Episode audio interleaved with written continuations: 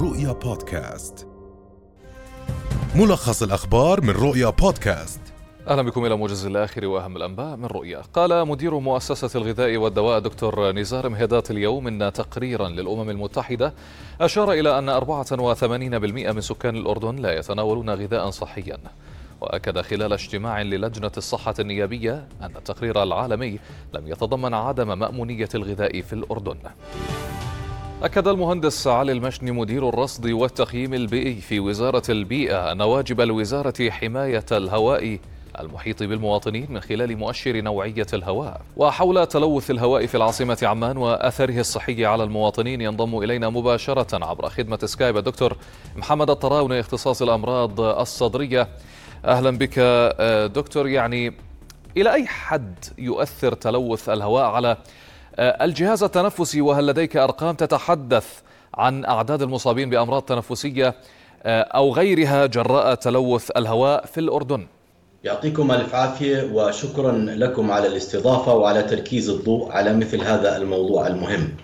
فقد أوردت منظمة الصحة العالمية في عام 2019 في تقريرها أن حوالي 7 مليون شخص يتوفون حول العالم بسبب تلوث الهواء فهذه مشكلة عالمية فوضعت العديد من الاستراتيجيات والسياسات للتعاون مع الدول من أجل المحافظة على هواء نقي للتقليل من مخاطره الصحية نعم. على جسم الإنسان بما فيها الجهاز التنفسي وغيرها من أجهزة الجسم فإن التعرض للهواء الملوث فهناك العديد من الملوثات الموجودة في الهواء التي تنتج عن الاحتراق أو من عوادم السيارات أو عن المصانع. فمثل هذه الملوثات الملوثات التي تعد من أهم العوامل التي تؤثر على الجهاز التنفسي ومثل الجسيمات. طب دكتور بعجالة وسؤالي الأخير لك هل هذه الأرقام تضق نقوس الخطر فيما يتعلق بالتلوث الهوائي في عمان؟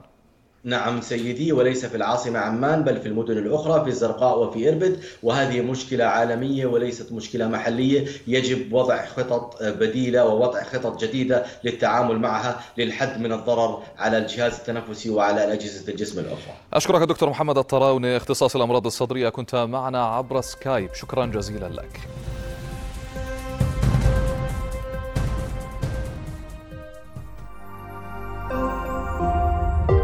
رؤيا بودكاست.